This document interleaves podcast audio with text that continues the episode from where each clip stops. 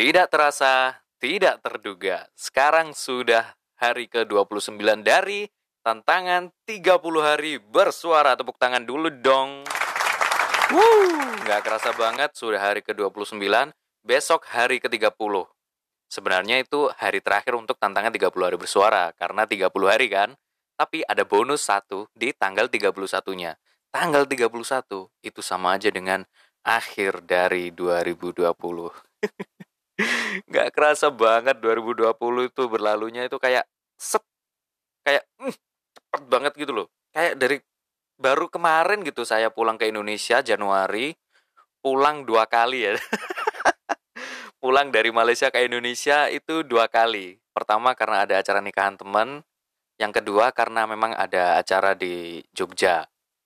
Well itu dua kali. Dan Januari yang lalu terus saya pulang ke Malang setelah main bentar di Jember. Merasakan perjalanan naik kereta. Soalnya rindu, rindu banget. Baru Januari kemarin. Sekarang udah Desember, mau tanggal 31, mau berakhir ini 2020. Bentar lagi 2021, wih. Ya, kita tahu sendiri lah gimana rasanya 2020 ini. Makanya kerasa cepet banget. Oke, di episode kali ini kita akan balik. Maksudnya balik. Maksudnya membicarakan episode episode-episode dalam tantangan 30 hari bersuara di podcast Raja Bersenandung dari awal pertama podcast Raja Bersenandung ikut tantangannya sampai kesekian kalinya. Simak ya. Siniar Raji Bersenandung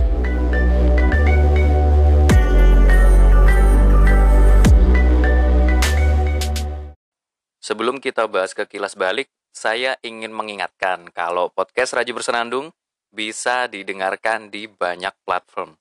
Tidak hanya di Anchor, tapi di Spotify. Kebanyakan orang-orang taunya Spotify kan? Nah, podcast Raji Bersenandung ada di Spotify, men. Terus, ada juga di Apple Podcast. Bagi Anda para pengguna Apple, daripada Apple Podcastnya nganggur, mending dibuka, cari itu Raji Bersenandung ada di situ terus subscribe. Soalnya nanti kalau anda subscribe pasti akan ada notifikasi ketika saya menerbitkan episode baru di podcast. Pasti itu. Lalu ada juga di Kurio Podcast. Nah waktu itu saya mengajukan lewat email itu ke Kurio buat naro podcast saya di Kurio Podcast. Alhamdulillahnya dikabulkan dan podcast saya ada di Kurio Podcast. Install aplikasi Kurio nanti buka di bagian podcast, biasanya podcast yang update, e, maksudnya yang lagi update baru-baru itu urutannya ada di atas. Nah, karena update setiap hari ya podcast Raji Bersenandung, itu akhirnya e, podcast Raji Bersenandung pasti ada di bagian atas terus. ya nggak ngaruh sih. Tapi alhamdulillah kalau jadi banyak yang dengerin.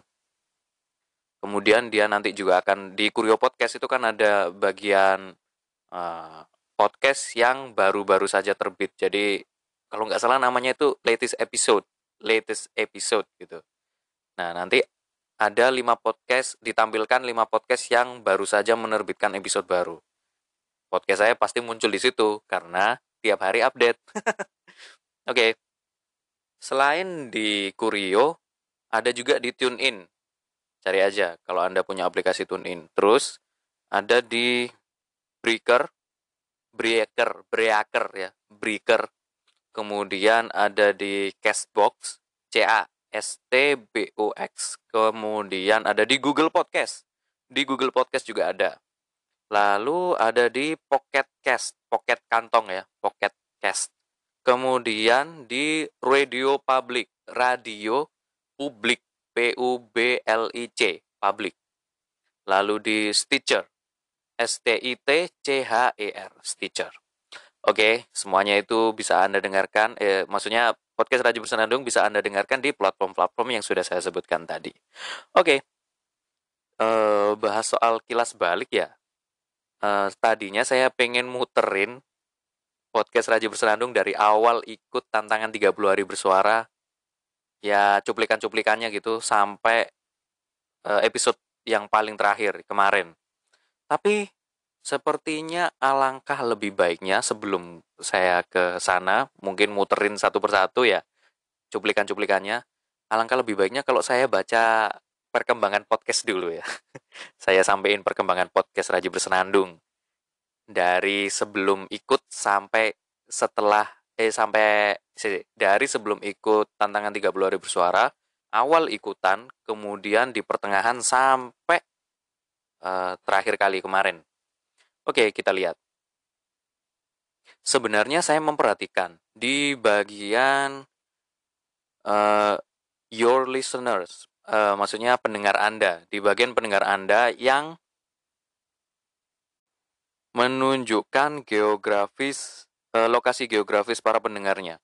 Paling banyak yang dengerin itu dari mana coba? Ternyata bukan dari Indonesia, men. Dari United States. Gila lu. Kenapa orang Amerika mendengarkan podcastku yang berbahasa Indonesia? Buat apa? Mereka ngapain coba? eh, nggak tau lah. United States. Ayo kita lihat United States-nya ini yang mana ya? Oh, enggak, nanti aja deh. Pokoknya um, hitungan paling tinggi itu United States, yang kedua baru Indonesia. Jadi sejauh ini podcast Raji Bersenandung itu banyak didengarkan di Amerika 46% pendengarnya dari Amerika. Keren. Kemudian Indonesia 47% eh 41% kemudian Malaysia 5% eh, bawahnya France 1% bawahnya lagi Thailand 1% Spain 1% India Sweden semuanya 1% eh kurang dari 1% kebanyakan dari United States. Entah saya nggak paham. Mungkin nggak sengaja muter kali ya mereka ya atau iseng aja ya. Entahlah. Oke itu geografisnya. Kalau kemarin sempat saya cek memang pendengar saya yang di Indonesia itu kebanyakan dari Jawa Timur. Kemudian menyusul Jogja menyusul Jakarta. Oke kita lanjut ke listening platforms. Platform untuk mendengarkan podcast Raji Bersenandung paling banyak itu dari Spotify. Wah karena memang kebanyakan orang-orang pakai Spotify dan saya sering uh, promosinya itu promosi kalau podcast saya itu ada di Spotify. Ya, menurut saya Spotify itu lebih mudah dijangkau sama orang-orang lah. Makanya saya sering promosinya coba dengerin podcastku di Spotify. Di Instagram juga saya kalau promosi podcast pakai Spotify. Promosi Spotify gitu jadi story Spotify itu kan, tahu kan? Nah, seperti itu pokoknya. Yang kedua, Apple Podcast. Karena memang kawan-kawan saya itu orang tajir-tajir uh, sebagian um, semoga saya ketularan. Mereka para pengguna iPhone. Jadi ya dengerinnya pakai Apple Podcast. Uh, yang di bawahnya lagi Overcast. Entah dari mana Overcast ya. Ini Overcast itu kalau nggak salah saya saya baru tahu podcast saya bisa didengerin di Overcast itu ketika iseng browsing nama Raji Haraki di Google. Kemudian dalam uh, daftar pencarian itu ada Overcast. Oh, saya baru tahu ternyata podcast Raji Bersenandung juga bisa didengerin di Overcast. 4% dari orang-orang yang mendengarkan podcast saya itu mendengarkan dari Overcast, entah dari mana. 4% lagi dari Anchor.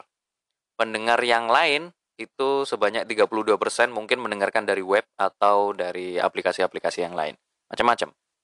Oke, kita dengarkan gendernya. Wah, ini ada perubahan yang sangat signifikan ini. Tahu nggak? Sebelum ini, sebelum uh, sebelum saya ikut ikut uh, tantangan 30 hari bersuara, pendengar saya itu kebanyakan laki-laki loh. Tapi setelah ikut, pendengar perempuan naik drastis. Ini saya coba saya coba lihat memang uh, pendengar laki-laki masih lebih banyak, tapi pendengar perempuan itu naik drastis. Wah, saya bersyukur banget kok bersyukur sih? Ya nggak apa-apa. Maksudnya saya bisa bisa genjot gitu loh jumlah pendengar. Entah gimana caranya. Maksudnya uh, bukan apa-apa. Saya cuma pengen ada keseimbangan gitu loh biar yang dengerin podcast Raji Bersenandung itu nggak hanya laki-laki saja perempuan juga. Saya juga masih meraba-raba kira-kira apa yang membuat orang-orang itu menarik untuk mendengarkan podcast saya apakah mereka itu kasihan atau memang penasaran atau memang suka dengerin suara saya gitu. Masih penasaran dan jadi tanda tanya besar ya. Oke, lanjut kalau umur. Ini sepertinya tidak berubah. Jadi kebanyakan pendengar saya itu adalah usia 23 sampai 27. Kebanyakan ya. Kemudian peringkat yang kedua itu usia 28 sampai 34. Kalau usia 23 sampai 27 itu 87% pendengar podcast Raji Bersenandung. Wow.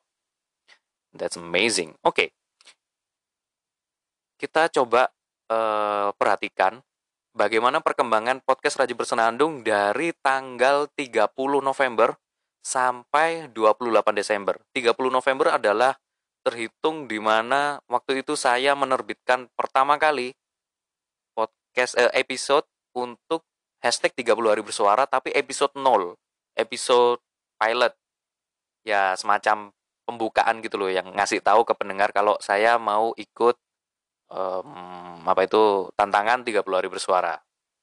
Nah awalnya memang um, rendah gitu tapi dia itu naik sedikit demi sedikit.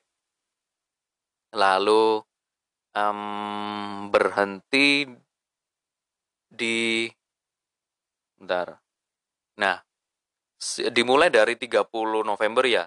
Kemudian pad dia naik, kemudian maksudnya naiknya itu bukan merambat tapi naik lumayan signifikan. Tapi bukan memuncak gitu ya. Dia eh, naik ya naiknya signifikan lah, signifikan lah kenaikannya yang tadinya itu playnya jumlah playnya dari beberapa episode itu cuma 44 nah kemudian setelah mengikuti tantangan 30 hari bersuara jumlah playnya naik 154 di 16 Desember. Dia naik ke 154 lalu mengalami kenaikan yang lumayan merambat merambat dikit banget tapi menuju naik tanggal 23 Desember total playnya itu 194. Wow. Nah, kemudian set, tapi setelah itu dia mengalami penurunan. Penurunannya bukan penurunan yang anjlok anjlok kayak turun jurang gitu enggak. Cuma ya turun perlahan-lahan. Bukan perlahan yang turun sedikit ya, tapi turunnya itu lumayan jauh. Dia dari 194 play ke 73. Ya lumayan sih itu turunnya. Cuma itu dalam kurun waktu berapa hari ya? Ini 20 tanggal 23 ke tanggal 28. Eh sampai tanggal 30 deng. Jadi mungkin masih masih bisa untuk naik lah. Oke, itu tadi hmm, semacam data statistik ya data statik grafik grafiknya. Saya baca ini grafik tadi. Oke kita lanjut ke top episode. Jadi episode yang paling populer selama tantangan 30 hari bersuara. Jeng jeng jeng jeng. Kira-kira episode yang mana? Well episode yang yang sedikit playnya itu banyak Tapi episode yang kira-kira angkanya sama yaitu 16 plays itu ada 4 episode. Pertama, episode awal mula. Itu ada 16 plays. Eh play, play, play, plays ya. Maksudnya 16 16 kali diputar. Lalu itu yang pertama, yang kedua episode ke-55 yaitu keputusan. Yang ketiga episode ke-56 yaitu rencana. Yang keempat itu adalah episode ke-65 yang membahas budak cinta. Wah, heran aja budak cinta, bahas budak cinta tapi yang dengerin dikit. Padahal dulu saya pernah bahas soal ditinggal nikah itu sampai sekarang episode dengan play yang paling banyak di podcast Raja Bersenandung. Itu kurang asem banget emang orang-orang itu. Kenapa sih? Kayak bahagia banget gitu kalau misalkan dengar kabar saya ditinggal nikah gitu. Orang-orang ini bisa aja. Oke um, ada podcast yang di atasnya ya.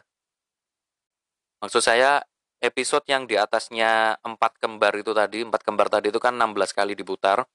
Di atasnya itu ada episode yang 22 kali diputar, yaitu pasangan, tentang pasangan. Nah, episode ke-60 tentang pasangan.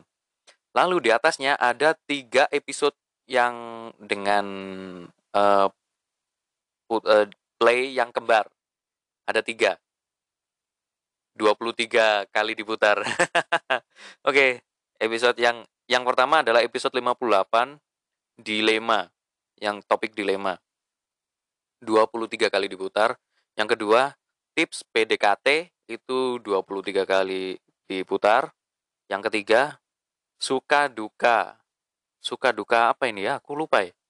Episode ke-63 let's check. Episode ke-63 adalah uh, podcast Raji Bersenandung membahas mengenai episode kalau suka duka berteman dengan orang yang lebih senior. Oh, ini aku ngundang Diana Nurindrasari, teman saya waktu lomba uh, karya tulis ilmiah dulu. Oke, hanya 23 plays. Oke, di atasnya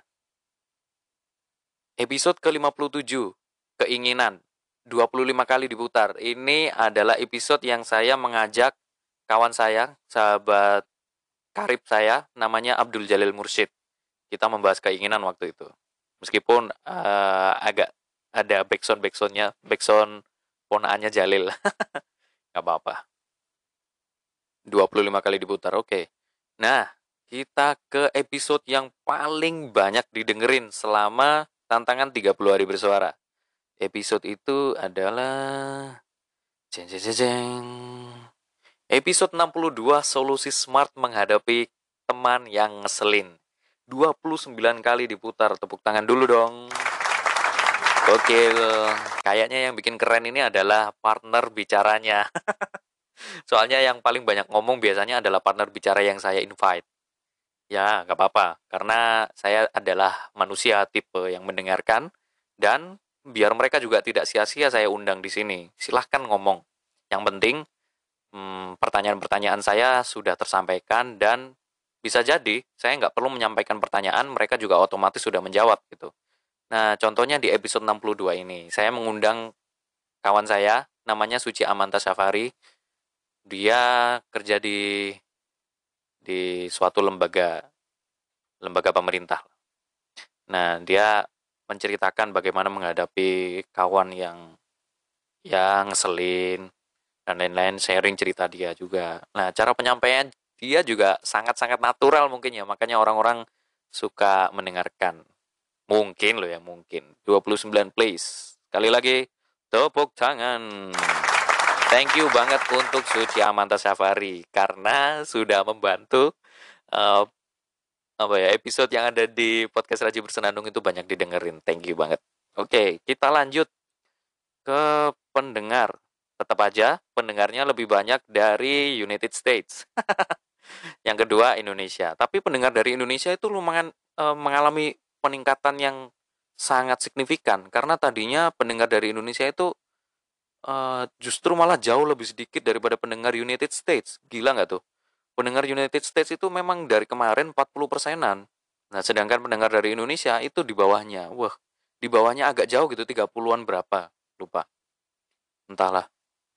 Nah, um, itu kalau negara, tapi alhamdulillah pendengar dari negara sendiri itu semakin meningkat. Uh, platform pendengaran eh, pendengaran sampean platform untuk mendengar juga seperti itu tadinya justru orang-orang itu mendengarkan lebih banyak angkanya orang-orang mendengarkan podcast Raji Bersenandung bukan dari Spotify, bukan dari Apple Podcast, bukan dari Anchor, tapi justru platform lain. Aneh. Tapi sekarang Spotify yang lebih banyak. Nah, dilihat dari perangkatnya, kebanyakan orang-orang dengerin pakai ya Android sama laptop. Yang dengerin pakai iPhone itu 20%. Ya lumayan. Uh, podcast Raja Berserandung punya 20% pendengar yang tajir. Oke. Okay. Gender seperti yang saya ungkapkan tadi, gender mengalami kenaikan di pendengar perempuan. Bahkan gini. Peningkatannya itu kalau saya lihat angkanya ya, justru female listeners itu 90%. Gila lu. Wuh. Aduh ya Allah. Pendengar perempuan benar-benar naik secara drastis. Benar-benar naik drastis. Sedangkan pendengar laki-laki itu hanya 8%. Oke, sisanya not specified, non-binary. Binary atau binary, binary, enggak tahu lah. Pokoknya itu. Oke, kita lanjut ke bagian pendengar secara umur. Yap, sama aja. 23 sampai 27 itu pendengar paling banyak. Well, 18 menit sendiri bacain statistik podcast. Kita belum um, muterin episode satu persatu ya. Well, puterin nggak ya? Ya, kayaknya nggak perlu deh, karena kawan-kawan, para pendengar setiap podcast Raja Bersenandung bisa mendengarkan dari awal sampai akhir.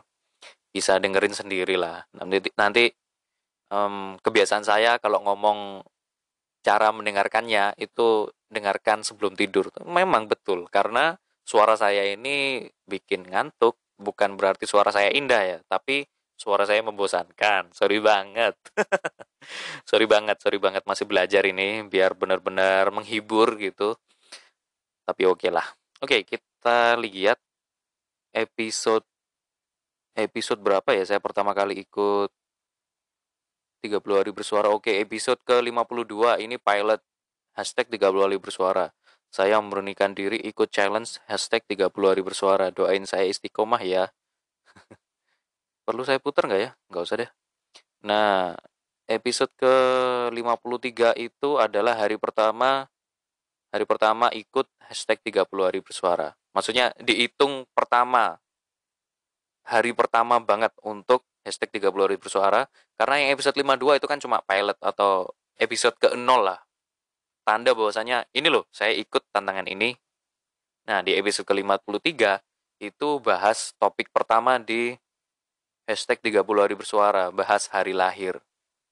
Waktu itu saya jujur aja awal-awal ikut podcast eh awal-awal ikut tantangan 30 hari bersuara saya itu bikin skrip sama seperti materi yang saya dapatkan di kelas master class podcast waktu itu dibawain oleh Stefani dari Stefani Chandra dari podcast Kata Puan atau di Instagram Kata Puan. Nah, itu dia yang bikin kan. Nah, dia adalah orang yang skrip banget. Saya rasa itu sangat bagus. Nah, masalahnya adalah saya sendiri itu tidak bisa istiqomah untuk bikin skrip. Awalnya memang mudah banget. Eh, bukan mudah, tapi ya seru seru ternyata bikin skrip itu. Jadi saya ndak terlalu capek-capek untuk untuk memikirkan isinya apa. Eh maksudku ya memang capek memikirkannya tapi saya tidak perlu capek-capek untuk salah ngomong. Karena saya tinggal baca teks aja. Tinggal baca teks mungkin salah sekali dua kali nggak apa-apa. Tapi setelah itu lancar. Baca sekali dua kali salah baru mungkin ketiga kalinya keempat kalinya itu bacanya enak sampai selesai dan nggak panjang-panjang, nggak sampai nggak sampai yang 10 menit, 20 menit. Kalau nggak pakai skrip, saya ngomong bisa sampai 40 menit karena isinya cerita. Oke, itu bertahan sampai um, hari pertama, hari lahir, hari kedua awal mula, hari ketiga keputusan itu episode 55 ya. Hari keempat rencana, hari ke nah kayaknya ya episode 56 saya ingat saya ketika membahas rencana itu terakhir kali saya bikin skrip untuk tantangan 30 hari bersuara. Setelah itu cair aja. Karena di episode selanjutnya itu ada podcast yang bahas keinginan.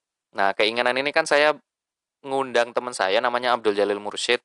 Sehingga nggak pakai teks, pakainya ya poin-poin pertanyaan aja tentang keinginan. Sejujurnya saya bingung karena topik-topik um, yang ditentukan dalam tantangan 30 hari bersuara itu topik yang umum banget.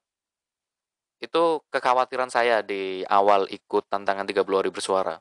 Khawatirnya di tengah-tengah nanti karena saya bingung nentuin tema, akhirnya saya nanti justru malah males ngepodcast. Tapi ide itu datang datang aja gitu loh Jadi ketika saya ndak ada ide, yang saya lakukan adalah ngundang temen seperti di keinginan ini. Saya bingung itu bahas keinginan tuh kayak gimana ya. Oke lah saya undang temen aja dan alhamdulillahnya dia mau. Untung aja dia mau gitu. Oke. Eh, lanjut. Dilema perjumpaan. Nah ini kayaknya ada catatan-catatan deh untuk bikin dilema perjumpaan nih. Dilema perjumpaan ada ada skripnya apa ya? Eh lupa deh. Terus yang ke-59 tips PDKT dari Mbah Google nah ini. Soal PDKT ini kan saya bingung ya. Karena mem- memang mungkin saya bisa melakukan PDKT tapi uh, I'm not an expert in PDKT. Sehingga saya lebih memilih untuk membacakan tips PDKT dari Mbah Google episode 59. Kemudian di sana eh, waktu record sambil browsing, sambil baca. Saya bacain definisinya dulu, habis itu ada tips-tipsnya. Itu tips-tipsnya itu saya bacain. Lumayan dapat konten. Jadi itu kreatifnya kalau misalkan saya kebingungan mau ngomong apa, pertama ngundang temen, yang kedua buka bau Google aja. Soalnya di sana banyak isi kan, banyak isinya. Ya yang penting tinggal kita filter aja deh, nggak sembarangan meletakkan. Oke, lanjut. 60 itu pasangan adalah oke ini mudah. Yo nggak mudah sih, tapi yang menyampaikan opini sih di sana. Keluarga dan rasa syukur.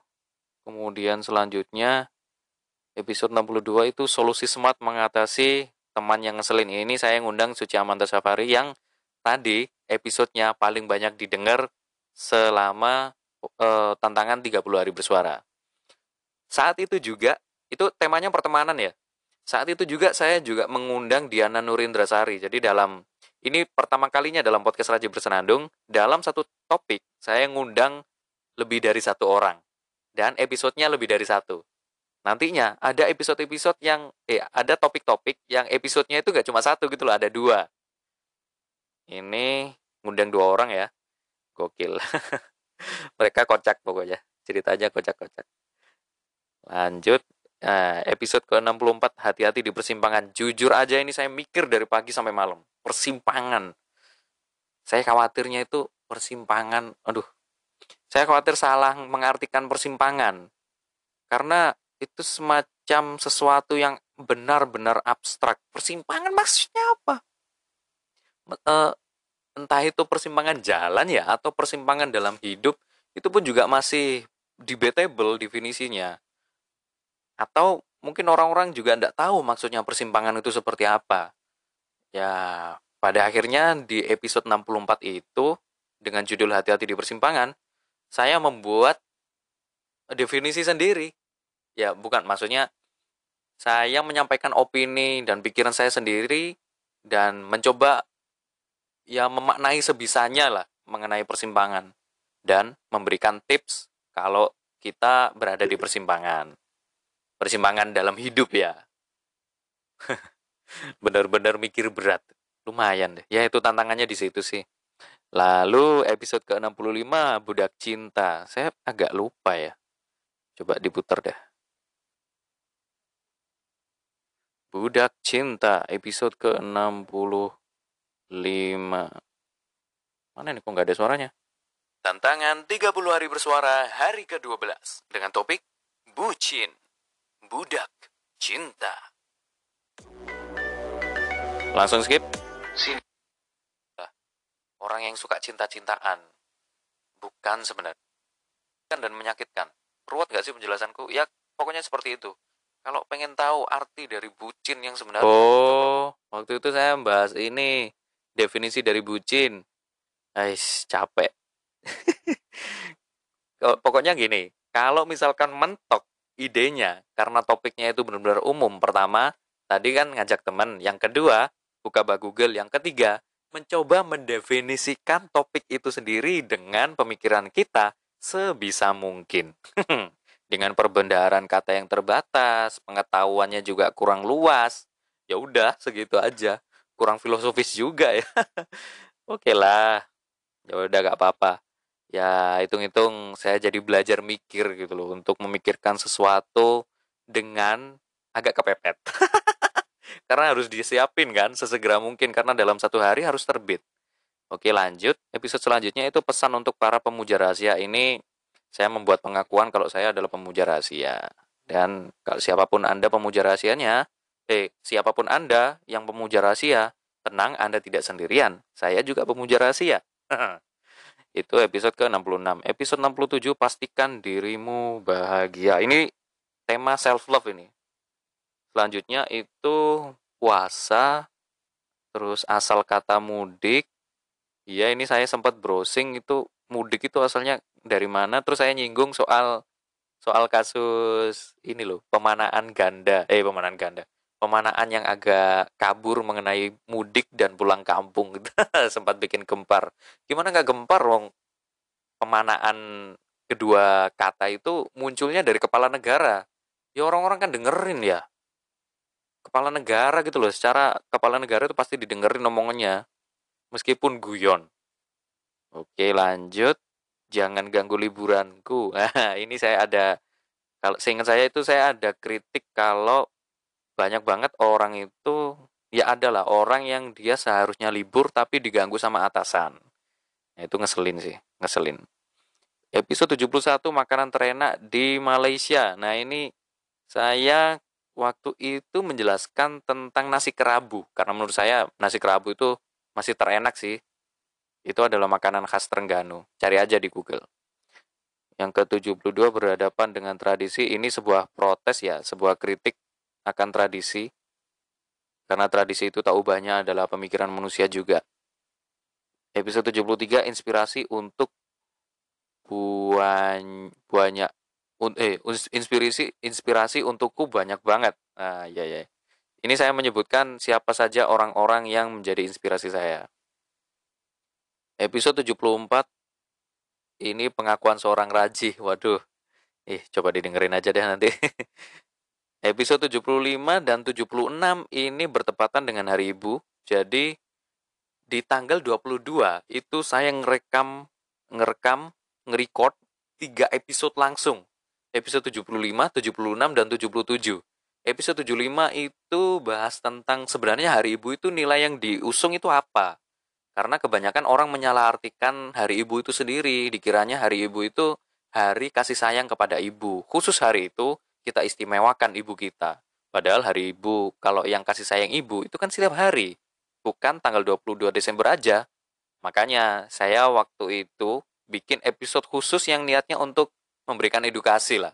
Biar orang-orang tuh ngerti tanggal eh, tanggal 22 Desember itu hari ibu tapi sebenarnya ibu ibu yang kayak gimana? Ternyata itu adalah ibu bangsa.